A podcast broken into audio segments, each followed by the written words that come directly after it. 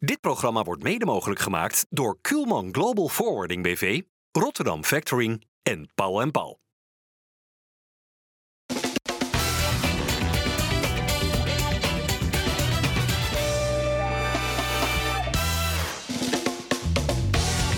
Goedendag, dit is eh, FC Rijnmond. Op deze vrijdag verwelkomen wij Arman Afsaroglu van de NOS. Welkom Arman. Dennis van Eersel en uh, Harry van der Laan. Je hebt voor mij een beetje je grapjas aan vandaag. Ja, je hebt op de hele tijd wel Nee, ja, eh, te geinen en te grappen. Ik heb net een griepje gehad, dus ik ben blij dat ik weer eh, buiten mag spelen van mijn moeder. Ah, oké. Dan moet je altijd even toestemming voor Ja, vragen. tuurlijk. En je bent net jarig geweest, dus nog uh, Ja, dat is alweer een tijdje terug. Een week. 39, hè? je zou het niet zeggen. Alweer? 39. ik denk dat je dat moet omdraaien. Inmiddels. Wat? Moet ik kalm aan? Ja, ja, even aan? rustig. Oké. De uitzending is nog lang. Ja, bij de voorselectie van het eh, Nederlands elftal zitten 37 spelers. eh, waarvan drie Feyenoorders. Hartman, Wiever en eh Geertruida. Eh Geertruida wel, maar Hartman en Wiever hebben s- nog nooit bij een vertegenwoordigend elftal gespeeld. Is het dan terecht dat ze nu wel gelijk in deze voorselectie zitten? Nou, het is, het is wel een, eh, een behoorlijk grote voorselectie. Dus als je er nu niet bij zit, kun je er eigenlijk helemaal gereed van. Maar eh, nee, maar het is, die jongens doen het uitstekend. Wiever eh, buitengewoon sterk. Hè. Tegen Heerenveen de afgelopen keer was ietsje minder. Maar nog steeds een jongen die, die je voor een boodschap kan sturen. Hartman ontwikkelt zich stormachtig, zoals we dat dan noemen, aan die linkerkant. En Geertruida is eindelijk natuurlijk op de plek waar hij thuis hoort. Daar centraal achterin. En die doet het fantastisch. Dus ja, als je de hele Nederlandse eh, competitie bekijkt... en alle spelers die ook in het buitenland wel en vaak ook niet aan het spelen komen... is het niet zo gek dat deze jongens nu opge- opgeroepen zijn. Ja, nou, nog niet. Hè. Dit is een voorselectie. Maar Armand, als je kijkt naar Geertruida, de concurrentie waar hij mee te kampen heeft hè, als centrale verdediger. Van Dijk, eh Ake, De Vrij, eh, De Licht, Potman. Botman. eh, en op de restbackpositie Dumfries, Tete, Frimpong.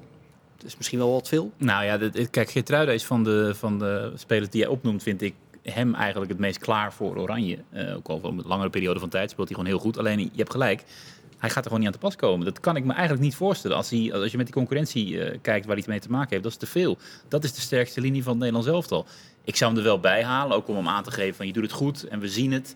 Maar ja, ga je hem de voorkeur geven boven al die namen die je, die je nu noemt? Ik, Nee. ik- het lijkt mij heel sterk, maar hij verdient echt wel een kans, vind ik echt. En datzelfde geldt voor Wiever, die toch ook wel de nodige concurrentie eh, op zijn pad kent. Met eh, De Roon, met Klaasie en, en, en in principe Frenkie de Jong, die natuurlijk altijd oproept. Dus ja, hoe groot is die kans? Dat hij bij de definitieve selectie blijft, is misschien eh, met die concurrentie die je noemt. Eh, ja, misschien niet aannemelijk. Eh, dit is wel al een mooi eerste signaal, een eerste teken aan de wand. Het gaat natuurlijk ontiegelijk hard. Hij was er zelf ook een beetje beduust van.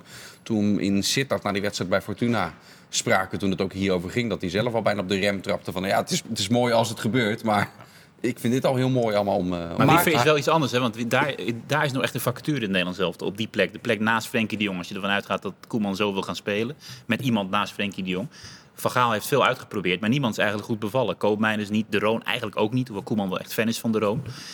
Als Wiever zich doorontwikkelt, zie ik in hem wel iemand die daar wat sneller een kans zou kunnen krijgen. Nou, wie is er op dit moment meer in? Nee, hoe die die 4-3-3, hoe die op het middenveld... Nog niet dat helemaal, maar dat zullen we denk ik volgende week gaan horen. Hij gaat natuurlijk wel iets anders spelen dan Ja. Van Gaal. Hij gaat weer terug naar echt 4-3-3. Ja. Dus hoe dat ingevuld gaat worden, dat moeten we nog zien. Maar ik, ik denk dat Wiever, als hij zo doorgaat, echt wel een kans Maar het is eh, een slecht teken hoor, voor, voor het Nederlands elftal, vind ik. Als je na zes wedstrijden ge- ge- ja, zeg maar, eh, verkozen wordt, of in ieder geval uitgenodigd wordt voor het Nederlands elftal. Dat is veel te snel. Dat kan natuurlijk helemaal niet. Nou, dat deed hij met Kenneth Taylor ook. Jawel, nou ja, maar die, is, nou, die heeft nou dan weer een mindere fase. Hè, dat is wel duidelijk bij Ajax. En dat is, ook- dat is ook heel normaal. Ik vind Geertruida, wat je terecht zegt, hè, dat is de enige eigenlijk die, die je echt erbij kan, kan schuiven door zijn ervaring al op een langere termijn. En bij een grote club natuurlijk, bij Feyenoord. Ja. Dus wat dat betreft, en internationaal zijn wedstrijdjes en zijn partijtjes meegeblazen. Maar dat, is, dat geldt natuurlijk niet voor, eh, voor eh, hoe heet die, Hartman en, en, en, en die vooral helemaal niet. Nou ja, Hartman heeft op die linksbackpositie eigenlijk maar twee eh, concurrenten. Met, met Blind en met eh, Malasia natuurlijk. Dus misschien is Ja, die kans bij Hartman wel vind weer ik wat groter. Bij Hartman vind ik het wel heel snel gaan. Die, die- die- begin van het seizoen kenden nog heel weinig mensen. Hè. Toen haalde Feyenoord drie linksbacks.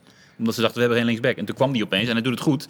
Maar hoeveel wedstrijden heeft hij nu echt eh onbetwist basis gespeeld? Ik denk dat hij, nog- dat hij nog niet eens op 20 zit. Nou vind ik het wel wat anders hoor, of je een back hè, selecteert of een linksbuiten of een nummer 10. Jij vindt een back nooit zo belangrijk, Nou, hè? ik vind back is wel belangrijk, maar ik vind het is niet de meest ingewikkelde positie van het elftal. Hè. Het is wat, wat overzichtelijk. Hè. Je, hebt, eh, je taakpakket is behoorlijk beperkt. Hè? En dat is op nummer 10 bijvoorbeeld, is dat even een heel ander verhaal. Of eh, als je echt aanvallende Het is wel, weer een impulsen moet wel brengen. weer een voorbeeld, Bart, dat we hier in Rotterdam... we zijn soms ook te bescheiden in deze regio.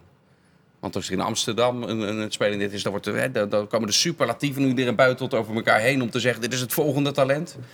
En wij hier in Rotterdam gaan het zitten downplayen met elkaar. Arman, wat is Toch jouw hartstikke reactie, mooi, reactie hierop? Nou ja, eh, ik- volgens mij zijn, is niemand het aan het downplayen. Dus eh, die jongens die, eh, die doen het goed en die verdienen een uitverkiezing. Ja, ik, ik- het is niet heel erg Rotterdam volgens mij om te zeggen dat als iemand goed speelt, dat hij de, de nieuwe Jezus Christus is. Dus Ja, dat, maar dat, dat gebeurt hier dan ook verdien, niet. Maar, verdien je een uitverkiezing op basis van vijf, zes wedstrijden? Dat, dat, dat vind nee, ik- dat vind ik een heel Dus Dus dat is het probleem. En hè? 13 en 15? Dat hij naar vijf... 13 en 15 wedstrijden. Nee, nee, je moet eigenlijk één of twee seizoenen wel hè, Ja. in- bij een grote club spelen. Ajax, Feyenoord, PSV. Ik vind het ook heel raar als, als een speler van Utrecht geselecteerd wordt. Maar daarom, Harry, moet je ook afwachten. Want die voorselectie, dit is een voorselectie. Je- Je zegt het 37 mensen. Ja, dat, het is dat een grote groep. Ja, Je moet echt afwachten wie er echt bij gaan zitten. Dan ik was zelf een beetje zeggen. teleurgesteld. eh. Ben je weer niet opgeroepen? Nee. Dat je er weer niet bij zat. ik denk dat ik me niet meer beschikbaar stel, net als de Jong. Nee, ah, nationaal Jong. zeilelftal heb jij wel gezeten, toch? Ja. Zaalvoetbal? Ja, ja, Ja, dat wel. Ja. Dat is iets anders, eh, Bart. Weet ik, zit een dak op. Goed, we gaan eens aan Heel eh, klein- heel de klein trainer van. Feyenoord. Arne Slotmaar zijn vraag of hij eigenlijk ook niet zelf vindt dat ja, de voorselectie voor zijn drie spelers niet wat eh, te vroeg komt. Uh, nou, het gaat zeker snel met ze. Uh, omdat ze nog niet overdreven veel wedstrijden in het eerste van, uh, van Feyenoord hebben gespeeld. 15 en 13. Ja, maar de voorselectie bestaat ook uit best wel veel spelers. Dus uh, die nuance moet je denk ik uh, wel maken. Maar daarentegen is het wel voor ons fantastisch. Dat, nou ja, vorig jaar hadden we natuurlijk met Tyrell en uh, Guus Til en, uh, en Justin Bijlo. Als ik me niet vergis heb ik het dan over de drie namen die we er toen bij hadden. Ja, als er dan twee weggaan en de andere is geblesseerd, dat je er dan toch in de voorselectie weer drie hebt, is wel, uh, is wel heel mooi. Dan uh, de, van de Feyenoorders naar de volgende. Arman. Wat heeft Olij van Sparta minder dan Scherpen van Vitesse of Verbrugge van Anderlecht? Nou ja, hij heeft in elk geval meer reddingen verricht dan Scherpen. Want ik heb ook zitten lezen, die, die Scherpen heeft een heel laag reddingspercentage uh, op, op schoten die op hem afgevuurd worden. En hij wordt wel uh, opgeroepen, wij zitten in die voorselectie. En Staat Olij, dertiende met Vitesse. En Olij heeft ja, gewoon aantoonbaar een beter seizoen dan Scherpen. Scherpen heeft al een paar catches gemaakt. Olij, ik herinner me er eentje tegen Feyenoord. Maar verder heel stabiel, heel constant. Maar ja, Scherpen verleden bij Ajax. Altijd in die vertegenwoordigende elftallen gespeeld. Jong Oranje, basis vaak gespeeld. Dus Internationale ervaring. en die st staat dan misschien ook wat meer op de radar dan Olij. Maar inderdaad, je zegt terecht, Olij heeft een beter seizoen. Dus ik, ik zou hem dan ook wel graag gezien hebben. Ja, en, en die Verbrugge van Anderlecht, die wordt er dan... Ja, zie ik minder. Nou ja, die haalt nog wel eens een strafschop tegen. Dus dat je die misschien een keertje bij je selectie club. Anderlecht voegt. wordt nog steeds ook wel gezien als een hele grote club eigenlijk. Ja, staat wel negende in ja, België nou, dat nu, is uh, dus niet meer. Maar iedereen, als je aan Anderlecht denkt, denk je eigenlijk aan de Europese top zelfs. Maar dat is al jaren niet meer. Nee, nee. Ja, Nee, maar het is reuze gaat- jammer gaat voor om de- Nicolai. De, derde keeper of zo gaan, hebben we het nu over. Ja, maar ja, je zal ermee nee, kunnen gaan ja, trainen. het is niet heel, ik vind het niet heel belangrijk hoor, een derde keeper. Nee, maar ik denk voor Sparta wel. Voor Sparta Als zou die het een zijn, hadden kunnen eigenlijk moet Olij dan de volgende stap ook weer maken hè, van Sparta naar een Naar, mooie ja, grote wat? club. Naar wat? Ja, een grotere club. Ik, ik vind niet dat een, Nederlands elftal speler uit Sparta, Utrecht, eh, Vitesse of weet ik van dat soort clubs hoort te komen. We hebben een prachtige top 3, top 4 tegenwoordig. Daar hoor je als je uit de Nederlandse competitie praat. En verder haal je ze uit het internationale voetbal als ze spelen. En dat is wel moeilijk Ja, zat. Nop, Noppert in Oranje was toch hartstikke leuk. Prima, maar dat is, Dus er, zijn altijd wel, er is altijd wel een uitzondering. En dat is weer een keeper van 3,5 meter. Dat kan ook natuurlijk nog wel eens ja, iets bijzonders brengen. Maar over het algemeen hoor je gewoon bij een grote club te spelen natuurlijk... als jij internationaal mee wil draaien in een Nederlands elftal. Jiménez naar Mexico. Zit bij de definitieve selectie eh, zelfs daarvan. Miste natuurlijk het, eh, het WK. Toen was hij een van de laatste twee afvallers die wel al mee waren met die selectie. Volgens mij waren er één of twee spelers die toen nog te horen kregen van ja, jij net niet. Dus nou, hij zit er nu weer wel eh, Hm. bij. En op zich ook wel logisch nu die basisspeler bij Feyenoord is. Zeker. Ehm, ja, basisspelen ook weer afgelopen woensdag in de beker. Waarom was die bekerwedstrijd tegen Herenveen, die Feyenoord wel won, eh, weer een moeizame? Ja, dat, het, het, hij is in ieder geval gewonnen op een, op een dik advocaatstijl, vond ik het een beetje. Je weet wel, een slechte wedstrijd, een, een, lelijke wedstrijd. Eh, weinig weggeven, een paar keer goed wegkomen. Met, ik denk dat het een strafschop was trouwens. En ook een keer een enorme kans voor... eh, Misschien wel twee keer een strafschop. Nou, in ieder geval die ene, hoor, die was, was, vond ik wel echt een zuivere. Met Casemiro. Ja, die eh, wordt zo naar beneden geduwd. En, en- houdt hem geloof ik wel vijf seconden vast. Dat is veel te lang. Maar dat, en, en dan nog die goal, of die grote kans van, van en zo. Dat zijn van die momenten, dan moet je even even, even meezitten. Maar Feyenoord en uiteindelijk was dat, nee, het was helemaal niks. Het was heel slecht. Maar dat heeft vaak toch een beetje te maken met de instelling. De tegenstander vond ik verrassend aanvallend spelen. Hè. Eh, eh, Van Wonderen eh, staat toch wel, zeker bij mij ook bekend als zeer defensief. En vanuit de, hoe heet dat, de omschakeling vooral proberen hè, de, wedstrijden te beslissen. Maar nu hoog druk zetten, daar hadden de Feyenoorders erg veel moeite mee. Misschien dat het veld daar ook nog een beetje meespeelde. Maar je krijgt een soort vechtvoetbal kreeg je daardoor. Hè. Je moest veel duels en zo. En dat, daar vonden ze, hadden ze niet zoveel zin in bij Feyenoord. En dan zie je dat het ook, ja, zo gauw ze op 80, 90 procent gaan spelen, dan wordt het ook gelijk een, een, stuk minder. Wordt het zwakker, allemaal, want eh, zwak spelen, eh, gemakzuchtig, maar niet achterkomen. Nee, maar Wat, wat, zegt- wat voor discipline zie jij bij dit Nou Feyenoord? ja, je zegt eh, helemaal niks, bracht, ze brachten niks. Maar het was niet helemaal niks, want ze speelden aan de bal heel slecht. Maar je merkte wel dat als ze de bal verloren, dat ze dan wel collectief enorm snel weer terug waren in de verdedigende organisatie. En dat is iets waar je de hand van slot natuurlijk enorm in herkent. Die heeft daar zo op gehamerd dat je die patronen heel duidelijk ziet. Dus aan de instelling mankeert niets. Eh, Feyenoord wint geen wedstrijd makkelijk, eh, dus ook deze niet. Maar het feit dat ze altijd, eh, ja, ze zakken nooit door die ondergrens. En dat is zo belangrijk als je prijzen wil winnen, als je hoog wil eindigen. Ze blijven altijd wel een lijn houden. En in de rust zeiden veel mensen, en dat, ja, daar hoor ik eigenlijk ook wel bij, het feit dat ze nu niet achter zijn gekomen, betekent eigenlijk dat ze die wedstrijd gaan winnen. Je, Ja. kon, er, je kon erop wachten en ze, dat deden ze ook. Had je het koud? Had je het koud? Ik had het koud. Ja? En er gingen ook Oh, wel, even Harry, Harry. Ja, maar er gingen, Maar wel, mensen, er gingen wel mensen over door de ondergrens natuurlijk. Maar in even, die maar wedstrijd. Ma had het koud. Ik had het koud. Maar En- wat betekent dat? Nou, kijk maar even. Oké. Kijk, zo zat je erbij. Weet je wat? Ik heb nog niet gezien. Nee, dat was ja. de bedoeling ook. Ben ik? Nou, ik Ja, kan, ja, ik kan dit schijnt jij te nee, zijn. dit ben ik niet. Ja, dit ben je wel. Oké, dat ben ik wel. Nee, maar er, er werd wel... Wat heb je nou om je heen? Een soort van... eh, Gewoon een freeze-dekentje, Bart. Ja, Oh. je moet er wat. Je leek wel een jute zak. Ik was ook naar Spanje. Nee, dat Wij waren, wij waren een keer voor. Was dat ook tegen Shakhtar Donetsk? Dat Nou, het zo koud waren in was bij die wedstrijd in Oekraïne. eh, in Kharkov is inderdaad. het hetzelfde dekentje? Nee, toen had ik een gordijn uit mijn hotelkamer meegenomen. Dat, was het, ja. Dat was, heb ik gewoon mee ingewikkeld. Is het serieus waar? Ja, ja, het was daar zo koud. Onze telefoons vielen ook als je het buiten liep. En ik had ze geen deken meegenomen in mijn koffer. Ik dacht, dit gordijn kan ik ook meenemen. Maar wat vonden ze in het hotel daarvan dat je de gordijnen van de muren haalt? Nou, dat vonden ze raar, maar bij het stadion vonden ze het nog raar. Toen zeiden ze, meneer, het is helemaal niet zo koud. Oh, maar het was min. vond- ik vond het wel koud. Ja, min Zei die steward in zijn korte broek. Ja. Het was een bloemetje. Harry, we dwaalden even af. Ja, nee, ja, heel erg graag over voetbal hebben, maar het, het is moeilijk aan deze tafel. Nou ja, ze blij- blijven het verschil maar, maar uiteindelijk maken Feyenoord in, in slotfases. Dus dat blijft ik toch knap vinden. Nou ja, je kan, het al, je kan het allemaal afschrijven op fitheid, maar dit was ook een beetje onkunde. Hè. Een speler die een bal gewoon netjes weg kan koppen, die gaat er onderdoor en die bal komt dan bij ook weer een van de ja, zwakke, zwakste van, het- van het veld op dat moment, uh, Jaan Max, die hem goed weglegt bij, eh, bij eh, Danilo. Danilo. En die steekt goed door. Niet egoïstisch, maar samenspel, heel belangrijk. En hij maakt hem fantastisch af. En dat was ook het, een van de weinige dingen die hij kon doen, want die vleugels lagen lam. Dus eh Jiménez die kwam helemaal een stuk niet voor. Maar dat Idrissi heeft nog wat, wat dreiging in de tweede helft gehad. Maar ook vooral de eerste helft was echt krankzinnig slecht. Van beide vleugels. En dan kom je als spits ook zwaar in de problemen natuurlijk. En ja, da- daardoor bleef het maar... eh, eh, ja, een, maar nou, geen eenrichtingsverkeer wil ik het niet noemen. Maar Heerenveen was, was eigenlijk eh, de bovenliggende partij. En die hadden gewoon voor moeten staan met de rust. En dat lukte niet. En nou ja, terecht wordt die opmerking gemaakt van... dan weet je hoe het afgelopen. Als je je kansen niet benut, dan gaat dat een keer andersom. En dat gebeurt ook. Hey, dat als zijn het echt. Nou, het afgelopen maandag hier Corpot. En als Corpot over voetbal praat, dan ga je even luisteren en goed opletten. En die opteerde al, Ja. gebruik nou Danilo op 10. Deed Slot dat nou wel of deed hij het nou niet? Hoe zit het? Want Danilo en Jiménez hebben samen gespeeld. Hij, hij kwam erin als vervanger van Dielroos die op 10 stond. Ja. Maar Danilo vult dat wel anders in. Die stond wel een stuk dieper. Dus ik snap Slot zijn uitleg wel dat hij zegt van... Ah, ik kwam er echt als tweede spits bij. Maar wanneer Feyenoord de bal niet had, ging Danilo echt wel een stukje, eh, een stukje terug. En ik zie dat ook wel voor me met zijn loopvermogen. Alleen op die manier starten aan een wedstrijd... Dat, eh, ik denk dat Slot dat toch niet zo snel gaat doen. Omdat je dan qua, qua wissels eh, achter, achter de hand voor de spitspositie... heb je eigenlijk meteen niets meer dan natuurlijk. Maar ik vind het wel interessant, want hij, op de persconferentie namelijk zei hij ook dat hij er wel over nadacht om Ja. het misschien te doen. Want je kan best wel zeggen, het rendement van de buitenspelers van Feyenoord stelt nog altijd teleur. Natuurlijk, dat zei Slot ook, ze hebben andere kwaliteiten, ze zijn ook heel belangrijk voor het team. Maar hij is nog steeds niet overtuigd van Jahan Bakje of Pashao of Dilrosun of wie dan ook. En hij is wel overtuigd van Danilo en van Jiménez. Alleen hij- die wisselt hij ze steeds af. Als je een manier kan vinden om ze samen te laten spelen, ja, waarom, zou je, waarom zou je het niet een keer proberen? En ook om, misschien omdat Deelrosun op 10 niet echt op zijn lijf lijkt nee, daar geschreven. lijkt het niet op. Ja, ik vind weet niet waar die moet hebben? Daar. Deelson hebben een heel mooi linkerbeen. En ik vind zijn hoekschoppen vanaf rechts fantastisch. Ja, hij goed. heeft zo'n dribbel. En hij kan mensen uitspelen. Dus dat is helemaal niet zo gek om van die rechterkant naar binnen te dribbelen. En eens een paar goede goals te maken. Of een paar goede voorzetten te geven.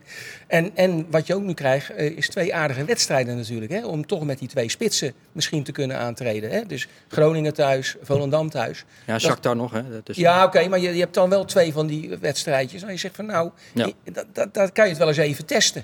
En dat kan er misschien weer eh helpen, eh, hulp in de komende wedstrijden in de zwaardere potten ook Ja. geven. Want als dat werkt, waarom niet?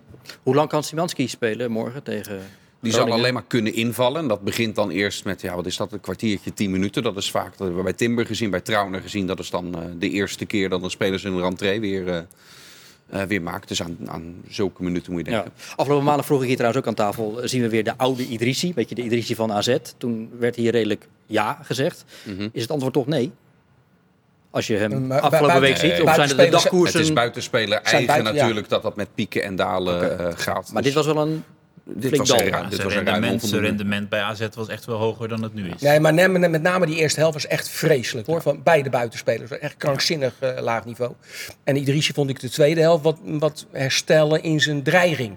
Hè, want de eerste helft stond hij alleen maar ballen naar de tegenstander. Maar toen ging hij wel zijn dribbeltjes maken. En dan word je wel in ieder geval eh handenbinder, hè, noemen we dat. Ja, ja. Hè, dus dan moeten ze toch rekening met je gaan houden. En dan kunnen anderen weer van profiteren. Maar dat hij totaal niet in vorm was in de afgelopen wedstrijd, eh, dat is duidelijk. Er viel ook genoeg te genieten in de Heerenveen, los even van die goal. Eh, wat vonden jullie van die demarrage? Geertruida pakte de bal op, randje 16, ging als een komeet met de bal aan de voet en ging gewoon de middenlijn over. Ja, dat zijn van die momenten waar ik dan op zo'n avond toch zoekend naar eh Nou, ik, ik, weet wat bij, ik vond het Ik, geweldig. ik vind het eh, eigenlijk raar dat dat niet veel vaker gedaan wordt. Hè? De, de inschuivende centrale verdediger. Je ziet het niet meer zoveel. Je had vroeger Ronald Koeman, hè? Dat, ik stond er onbekend. maar En- dit was inschuiven in het kwadraat. hè, Ruud, Ruud. Gullit, toen hij nog centrale verdediger speelde vroeger Ja. in zijn jonge jaren, die kon dat ook. Ik vind het wel wat negatief als dat het enige eh, nee. lichtpuntje eh, is. En ook wat jij, jij noemt het niet als compliment, een beetje dik advocaatvoetbal in de Ja, eerste het was een helft. dik advocaat jij, en jij bedoelde dat niet als compliment. Nee, nee, nee, nee, maar nou, zeker in zijn eerste periode, ook eh, onder advocaat, toen had dat team na de exit van Stam had dat ook echt nodig. De allereerste vereiste om te zorgen dat je weinig weggeeft en met z'n allen massaal terug wanneer dat nodig is. Dat zat er bij Feyenoord in de eerste helft wel. En dus nee, het was zeker niet mooi. Het was ook zeker niet goed. Maar eh, Nou ja, ook, ook de vleugelaanvallers daarin. heb ik he- met Feyenoord heel veel dat soort wedstrijden zien spelen. En hij speelt het nu met ADO eigenlijk ook weer een beetje zo. Het is niet mooi, om, Maar- je ziet, maar het is zeer goed georganiseerd. Effectief. En er komen wel een paar momenten om toe te slaan. Alleen je moet wel, ook, het moet wel een beetje meezitten. Ja. Want je krijgt ook nog altijd wel een paar kansen tegen. En hè, misschien wel of niet een strafschop, je weet dat soort dingen. Dat moet dan wel een beetje meezitten. Want anders kan het toch ook nog steeds gewoon fout gaan. Maar het is maart, hè, jongens. En Feyenoord zit nog in alle toernooien. Ja. Dat is Ja. nog nooit in de geschiedenis En weet, je- gebeurd. wil Dat ze in maart wil, nog overal in zitten. Dat, ja, is, dat is nog nooit dat voorgekomen. is krankzinnig Ja, knap als als je kop- als nadenkt... koploper Ja, als je- Koploper, halve Ja. finalist beker en nog League. Europees. Als je nadenkt waar ze vandaan komen, eh, met, met Slot die een heel elftal heeft moeten ja, vernieuwen, Ja.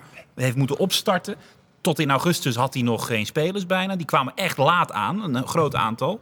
En waar hij nu staat, ik vind dat zo knap wat hij voor elkaar heeft gekregen. En waar eindigt dit, is een gevoel dat ik ook steeds meer krijg. Want ze worden nu, dat voorspelde wel een beetje in dit seizoen met WK, dat Feyenoord door kon trainen. Ze worden, vind ik, steeds stabieler. Steeds constanter. Eén wedstrijd verloren in Nederland. Eén maar. Ja, ze, kunnen gewoon, ze kunnen gewoon prijzen gaan pakken. En niet één, maar Welke? wel meer prijzen. Ja, ik denk, dat ze, ik denk dat ze gewoon serieus kans maken op de dubbel.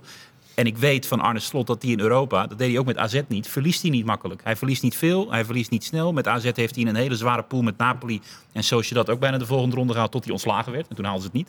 Ja, ik denk dat ze in Europa ook gewoon ver kunnen komen. Ja.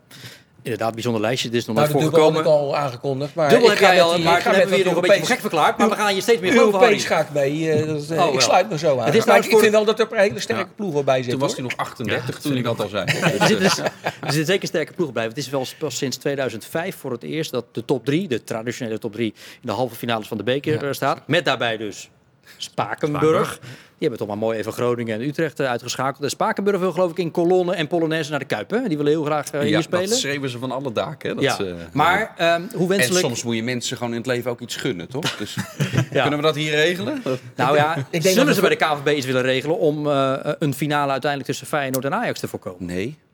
Want in 2020, tuurlijk, tuurlijk hebben ze dat scenario liever niet, met eventueel een dubbele finale. Maar in 2020, halve finale beker, van enig eh, mochten de mensen in complottheorieën geloven. Toen had het ook gewoon gekund. Alleen schakelde Utrecht met de wedstrijd met de huilende Kleiber eh, schakelde Ajax toen uit in de halve finale, waardoor het Feyenoord Utrecht zou zijn geweest. Dus Maar we denken toch nee, niet in ik een geloof niet in gestuurde. eh, Nou, nee, ik zie ze alweer voorbij komen hoor. Ja, maar dat Dus, gaat eh, toch niet gebeuren, Warme, met warme balletjes Gaat en die zo. Henry Gewelling, doet hij dat nog steeds eigenlijk? Gaat hij Nee, weer- nee, nee, niet meer. Of hij moet zich geschoren hebben. Maar er wordt net geconstateerd dat. Feyenoord nauwelijks te verslaan is. Dus maakt het niet zoveel uit joh, tegen wie we loten, toch? We. Harry praat altijd we als het over Feyenoord Als het goed gaat, praten we over. Ja, één jaar maar gespeeld in de Kuip, maar toch gewoon we. Ja. Eh, morgenavond is de, die loting voor de, de halve finales. Dat gaan we natuurlijk eh, volgen. Ja, zorgen over uitglijders en Feyenoord, dat was nog wel eens gebruikelijk. Maar die tijd is voorbij eh, allemaal. Als nu FC Groningen Nou, op nou, de... nou, nou, nou. Oh, niet? Oh, Dat- niet? Ik zeg, ze zijn niet makkelijk te verslaan, maar je moet altijd wel bedacht zijn op, op uitgeleiden. Zeker Ja, maar toch omdat niet Groningen op bezoek komt morgen? Nou ja, dat weet ik niet. Eh, Groningen heeft ook voor PSV gewonnen thuis. En hebben wel eindelijk weer een zege in de benen. Dus zullen misschien ook wel wat vertrouwen hebben. En zoals gezegd, Feyenoord wint niet makkelijk. Ze verliezen niet makkelijk. Ze winnen ook niet makkelijk. Dus denk niet dat je ze moet onderschatten morgen. Ik denk wel dat ze winnen, Feyenoord. Maar niet, ik zou ze niet onderschatten. En als je voorkomt uiteindelijk, ook maar weer snel spelers gaan wisselen en rust geven voor donderdag. Toch? Eh, dat zal slot doen wanneer die voorsprong ruim genoeg is. En niet bij een 1-0 voorsprong. Jij nog eh, voorspellende gaven? Ik denk dat het een eenvoudige drie Ja? of vier goals verschil overwinning gaat worden tegen Groningen. Nou, makkelijk zat. En jij gaat commentaar geven op televisie, de Ja. wedstrijd. En jij op de radio. Ja. Wat ga jij dan eigenlijk doen, Harry? Ik ga lekker naar die wedstrijd zitten kijken. Oké, nou dan doe ik dat ook. Moet ook gebeuren. Zondagmiddag gaan we ook kijken om eh, kwart over twaalf. Want dan is het de derby tussen Excelsior en Sparta. Excelsior pakte in de laatste zes wedstrijden maar één punt. Sparta pakte in de laatste zes wedstrijden één overwinning. Ehm, en ja, deze ontmoeting is vaak spectaculair. Sparta heeft de laatste 18 jaar, 18 jaar niet gewonnen op bezoek bij Excelsior. Wat gaat het deze keer worden? Ja, voor Excelsior is het wel een beetje een do-or-die wedstrijd, heb je het idee. Want die zijn steeds verder aan het wegzakken nu. En eh, als je te lang niet wint in zo'n degradatiestrijd, dan gaat dat ook in je hoofd zitten. En dan eh, loop je het gevaar dat je in een negatieve spiraal belandt. Dus ik denk dat er voor Excelsior ongelooflijk veel op het, op het spel staat. En het is een tegenstander tegen wie ze vaak goed presteren. Maar ik vind ze niet goed voetballen.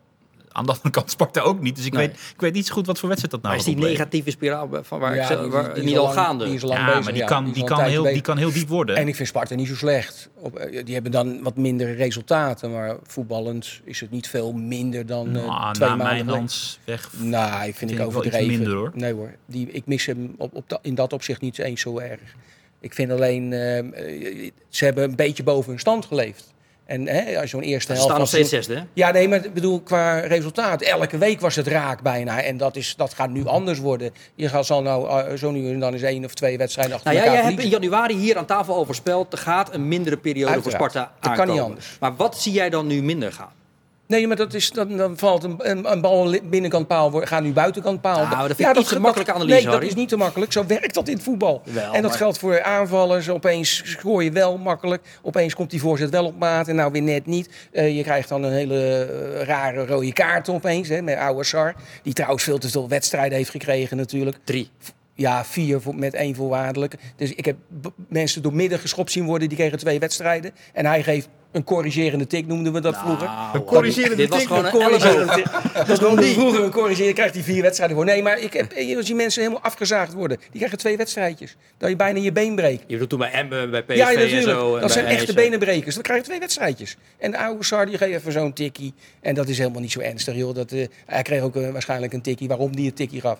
Hè? Ja, Zo maar we gaat gaan dat. hier toch niet uh, elleboogstoten zitten met de, huidige, met de bagatelliseren? huidige... Sorry? We gaan hier toch niet elleboogstoten zitten Nee, nee, nee, nee, nee, bagatelliseren? dat gaat Nee, maar wat. Harry zegt, waar het, waar het misgaat, is dat die, die, eh, de afzaagovertredingen, die worden niet zwaar genoeg Nee, bestraft. dat, zijn echt, dat is echt gevaar voor je carrière, is dat, hè? Dan kan je echt alles afbreken, eh, je enkels, weet ik het allemaal. En dit is gewoon een tik. En natuurlijk moet je dat bestraffen, ook met twee wedstrijden, maar zeker geen vier en met, met één voorwaardelijk. Nou ja, weet je wie Maar- zondag de scheidsrechter is? Bij de derby. Nou ja, Is het jouw vriend? Volgens Nou ja, mij, ja, is de scheidsrechter. Nou. Zeker. Dus dan eh, Nou ja, is er eh, het nodige... Ik hoop dat hij zijn kaarten, mee, meeneemt. Was hij nou echt die rode kaart bij Fortuna, Verlo- eh, RKC Ja, Fortuna ja, vergeten? Hij, hij liet hem niet zien in elk geval toen hij Velasquez wegstuurde. Hij gaf hem twee keer geel, toen zei hij... Weg, gaan we weg. weg. Het is in ieder geval altijd een voordeel voor de verdedigers, hè, die uh, Nijhuis. Want je mag schoppen naar alles wat beweegt. En eh, hij laat meestal doorgaan. En de aanvallers worden niet in bescherming genomen. Dus dat, eh, dat vind ik het ergste eigenlijk aan deze scheidsrechter. Hij kan er geen reet van. Pardon. Dat is de slechtste scheidsrechter die we ooit op de Nederlandse voetbalvelden gehad hebben. Bas Nijhuis. Ja? Serieus. Ik heb jou dit geloof ik eerder deze week of twee weken geleden Ik ook heb ook vorige week eh, ergens. Dat gezegd dat ik niet op moment niet... eh, ik vind Nee, ik kijk als eh, aanvaller. Ik ben een aanvaller geweest. Als je dan met Nijhuis eh, opgescheept zit, dan ben je, vrij, eh, ben je gewoon vogelvrij, hè? Nou, dan zorg ik wel voor het tegengeluid. Want, Vogelvrij, ik vind wed- wedstrijden van Nuis, en hij is er inderdaad de laatste jaar wel echt in, in doorgeslagen en, en er heel erg in zichzelf gaan, gaan geloven. Maar een paar jaar terug vond ik het altijd heerlijk als Nijhuis op een wedstrijd. Want je weet, dan wordt het tenminste lekker gespeeld. Weet je niet om de haverklap, Dennis, overal voor fluiten en alles Jij bent stil. een verdediger geweest, zeker vroeger. Dat denk ik wel. Ik hou van verdedigen. Ja, ik ben het je? eens, Dennis, als je teruggaat naar hoe Nijhuis begon, Ja. Dan, is het, dan is het een topscheidsrechter. Hij floot natuurlijk ook Europees gewoon. Hij werd op grote wedstrijden gezet. Alleen dat is nu niet meer. Hij heeft nu een sport van gemaakt om geen kaarten uit te delen. Ja, dat is natuurlijk niet wat het zou moeten zijn. Ja. Nee, nou ja, even weer terug naar het voetbal, jongens. Die scheidsrechter geloof ik verder allemaal wel. Ouassar is dus eh, geschorst. Eerthuizen gaat eh, Ja. spelen. Maar ze hebben eventjes eh, in beide kampen langs geweest. De beide trainers aan het woord in aanloop naar de derby. Hoe kijken ze bijvoorbeeld op het kasteel aan tegen Excelsior? Ja, nou, die hebben natuurlijk van de week wel eh, een, een, een tik gehad in Groningen. Eh, Misten ook eh, belangrijke spelers. Ja, ik, ik ben het hele jaar al heel positief over Excelsior. Ik vind dat ze het seizoen zeker goed begonnen zijn. Tussendoor veel punten gepakt. Ja, staan nu wel in de situatie dat de ploegen onder hun ook punten gaan pakken. Dus dat, het, wordt wel heel spannend onderin. Maar ik heb er wel alle vertrouwen in dat zij in de Eredivisie gaan blijven. Want eh, ik denk dat het daar goed in elkaar zit, dat daar rust heerst. En eh, nogmaals, ik vind dat zij ook gewoon een goede spelopvatting hebben. een goede, goede ploegdynamiek. Ehm, dus ja, ik, ik hoop uiteraard dat wij zondag gaan winnen. Maar ook, ook al zou dat gebeuren, dan verwacht ik nog steeds wel dat zij erin blijven. Wat vind je van Sparta momenteel? Ja, gewoon een hele stabiele ploeg. Met, eh, met een hele, hele sterke spits, vind ik. Eh, gedisciplineerd eh, verdedigen met, z'n- met z'n allen. Dus gewoon een hele taaie, stugge ploeg. Eh dus het is misschien in een iets mindere fase. Maar aan de kant, ja, is, is, kijk met respect hoe ze, hoe ze presteren dit seizoen. Dus dat betreft eh, ja, is dat knap, knap werk daar. Hebben jullie een overwinning weer nodig na toch twee eh, grote nederlagen? Nee, Ik denk niet dat we precies gaan zitten. Ik denk dat wij gewoon nog steeds in een goede. Dat laatste hebben we niet helemaal gehoord, maar eh, maakt niet uit. Dat was in ieder geval Eerthuizen, die dus gaat spelen. En die krijgt dan Agrifiotis, eh de spits van Excelsior, tegenover zich. Dat is eh, even voor nu de eerste keuze. Geen Gargoes, geen Van Duinen. Nou ja, maar dat is, hij, is natuurlijk enorm zoekende voorin ja, naar goals. En nou ja, misschien dat deze jongen dat kan, kan doen. Ik geloof dat niet zomaar hoor. Maar, want er zit vaak meer achter. Hè? Hoe, hoeveel kansen creëer je in een wedstrijd? Hè? Hoe, hoe is de ondersteuning en dat soort zaken. Spelen ook een grote rol in het scoren van doelpunten. Maar tot nu toe, het hele seizoen, is het, eh, heb het eh, van de, je vrije verdediger geloof ik moeten komen. Eh, El, El, El Jacoubi, Jacoubi, ja. Die de, de topscorer is volgens mij van die ploeg. Dus dat, dat, dat klopt niet en dat deugt niet.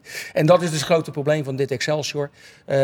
Te, te weinig scorend vermogen. Ik heb ook altijd gezegd, je moet een scorende 10 hebben. Als, het, als die voorste lijn eh, niet, dan, dan moet je vanuit het middenveld goals kunnen maken. En dat gebeurt ook niet. Dus wat dat betreft eh, is dat het grootste probleem. Ja, die Najoks krijgt geloof ik nu wel even zijn kans bij Excelsior, die ze van Feyenoord hebben gehaald.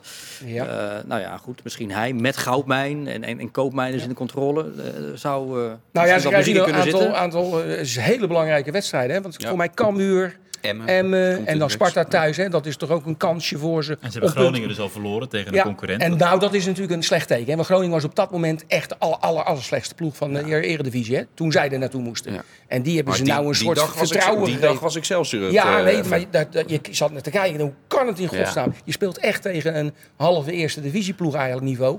En je totaal van de ja, mat maar hoe je gespeeld. het ook bent of verkeerd, Groningen heeft in de selectie betere spelers dan Excelsior. Dus Jawel, moet je, maar moet je wel oppassen. Als je Ja, praat over de ja, ja, ja. negatieve spiraal, hè, dan, ja, dan, dan zaten zij kon je enorm niet in. met Maar die zijn er nu weer enorm uit. En Ja. Excelsior Nou ja, nee, heeft één en mindere spelers Ja. en zit in die negatieve spiraal. Excelsior heeft thuis wel al een paar goede wedstrijden gespeeld. Dus juist ook met hoe het in Groningen ging, zal het me niks verrassen als Excelsior zondag opeens dan weer tegen verwachting in eh, wel weer een keer goed voor de dag komt. Het zou Ja, mij niks als ik, de, verbazen. als ik de trainer zo heb gehoord, er geen doorkomen aan eh, bij Sparta. Dus eh, nee.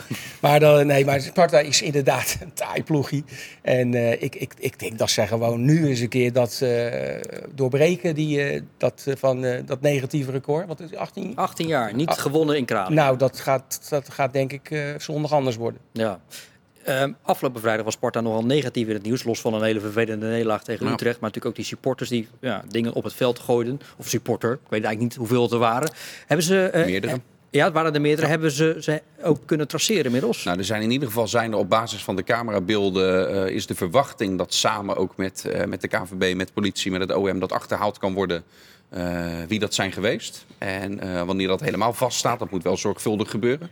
Eh, dus dat kan misschien nog wel even duren voordat daar nieuws over naar buiten komt. Maar zodra dat is, gaan er nog meer stadionverboden volgen. En dat begint bij Sparta nu wel op te lopen en aan te tikken. Stond toch bekend als een club waarbij dat helemaal niet nodig was. Maar dat kan nu niet meer gezegd eh, worden, helaas. Nee, precies. Van Excelsior toch nog niet, of wel? Hebben ze daar ook wel eens een eh, stadionverbod? Nou, dat, op een hand, op de Ja. vingers van één hand. Als we te Excelsior het veld komen bestormen, zijn we wel heel ver heen. Ja, eh. hartstikke lieve mensen. We- we- Als ik zeg één beroemde Excelsior supporter, wat, schiet jou er dan één te binnen? Eh, Antoinette Schilderman. Ah, de schrijfster. Nee, ja, ja, nee, die zou je ook kunnen noemen inderdaad. Maar nee, die zie ik niet doe- het veld opkomen rennen, eerlijk gezegd. Nee, eh, maar- en een pakje chocomelk zie ik het ook niet gewoon. Nee. nee, ik doe op een, op, op een best wel eh, eh, bijzondere jongen. Hij heet ehm Piebe Guido. En hij maakt filmpjes. Hij maakt filmpjes over eh, internationale en ook Rotterdamse voetballers. En die zet hij dan op Twitter. En soms gaan die dan echt letterlijk de wereld over. Hij maakt het laatste filmpje over eh, Santiago Gimenez. Nou, dat is al meer dan anderhalf miljoen keer bekeken. Het is een eh, bijzondere jongen. Die leeft met autisme. Maar door de liefde die hij heeft voor het voetbal. En doordat hij veel aandacht krijgt met die filmpjes. Heeft hij eigenlijk nu een beter leven gekregen.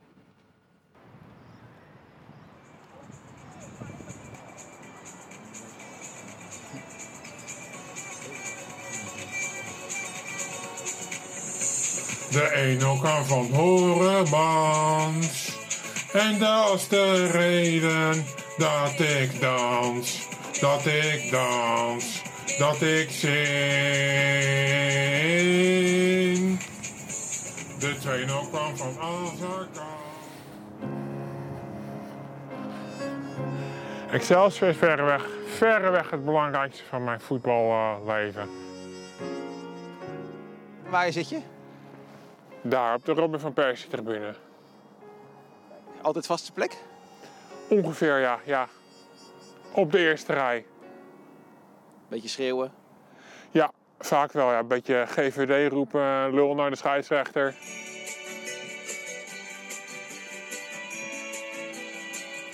Jiménez mejor.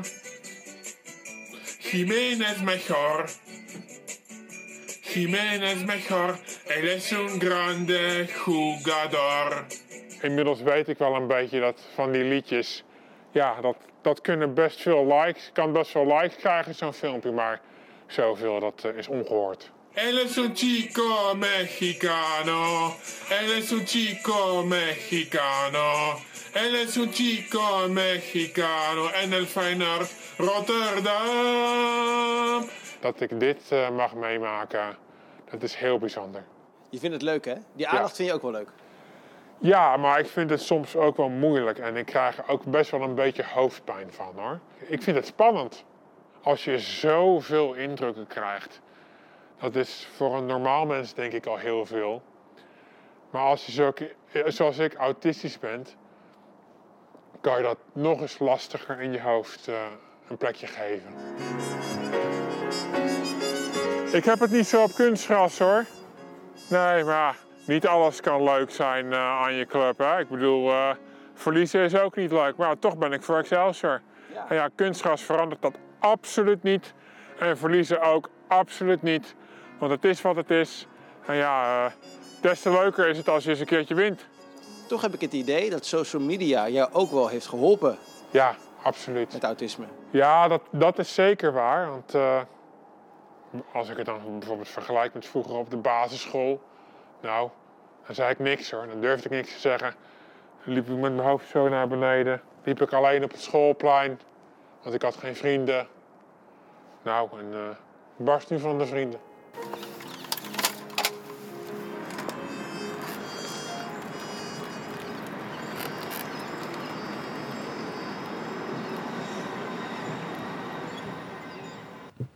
Voetbalsupporter zijn kan eh, ook een mooie kant hebben. En kan men- eh, mensen hun leven verrijken. Hij woont bij mij om de hoek. Maar wat bij Zie jou je om de vaak in de straat eh, rondlopen. Ja. Ja. Bijzonder hè? Ja, zeker. Die filmpjes ja, die, die zet hij dan op Twitter. En dan eh, ja, die gaan, die gaan dan vaak over voetballers. En dan eh, die voetballers of die clubs willen dat dan nog wel eens doorsturen. En dan eh, krijgt dat een enorm bereik. Bijzonder eh, jongen. Eh, hij en al die andere Excelsior supporters allemaal. Waar moeten zich die nou de komende tijd aan vasthouden? Nou, misschien wel aan het feit dat Excelsior dit seizoen al vaker wedstrijden heeft gewonnen waar het er lang niet naar eh, op leek. Dat was in de openingsfase van het seizoen, dat moet ik erbij zeggen. Maar toen pakten ze best veel punten. Terwijl ze niet eens altijd zo goed voetbalden. Maar ze kunnen dat dus wel. En eh, wat ze ook wel helpt in zo'n degradatiestrijd, denk ik. Ze hebben niet te maken met waar Groningen mee te maken heeft. Een stad op stelten. Die, eh, die alleen maar, ja, waar je alleen maar onrust van krijgt. De druk is leefbaar. Zij kunnen in relatieve rust werken. En dat helpt je in zulke stressvolle situaties echt wel. En dat is denk ik hun grootste kracht. En anderhalf maand geleden, toen die heenwedstrijd was op het kasteel, eh, lag het echt nog wel dicht bij elkaar. Sparta wint in blessuretijd wel met 1-0. Maar zo Derbies. groot was het. Derbies, ja. Die Derbies. zijn altijd lastig. Nee, maar Nou ja, deze zeker. Deze is altijd gelaten. Ja. Nou ja, het, het is. Ik vind het enige voordeel wat Excelsior heeft, is dat kleine kunstgrasveldje. Dat is hun grote voordeel. Nou, Sparta heeft toch wel heel veel ervaring met kunstgras gehad in het verleden. Maar die hebben nou dan eh, natuurlijk een fantastische grasmat. Maar ja, dat is het, denk ik, dat, die thuiswedstrijden zullen ze hun puntjes moeten gaan halen. En, eh, en, en, en nogmaals, dan, dat kleine veld, dat kunstgrasveld, waar een hoop mensen of een hoop eh, voetballers een hekel aan hebben. Hè, dat je daar je, flink je duels aan gaat, hè, echt degradatievoetbal speelt. Dat, dat kan helpen, hè, want je moet wel echt degradatievoetbal kunnen spelen. Als je dat niet beheerst, dan wordt het niks meer. We kijken naar uit. Zondagmiddag ga je ook commentaar van doen van die wedstrijd. Dus dan zien we dan weer eh, op Studio Sport. Op, Om eh, 7 uur. Zondagavond 7 Zeker. uur met het bord, Bord op schoot. schoot. Om maar weer eens een cliché uit de kast te halen. Zondagmiddag om kwart over twaalf is die eh, wedstrijd in Kralingen natuurlijk bij ons live op de radio te volgen. Morgenavond doen we een verslag in de Kuip van eh, Feyenoord tegen FC Groningen. Om er dan op maandag weer over eh, na te praten in dit programma. Voor nu dank aan Arman Afsaroglu, Dennis van Issel en eh, de net niet meer helemaal jarige Harry van der Laan. Dank voor het kijken, goed weekend en tot maandag. Dag.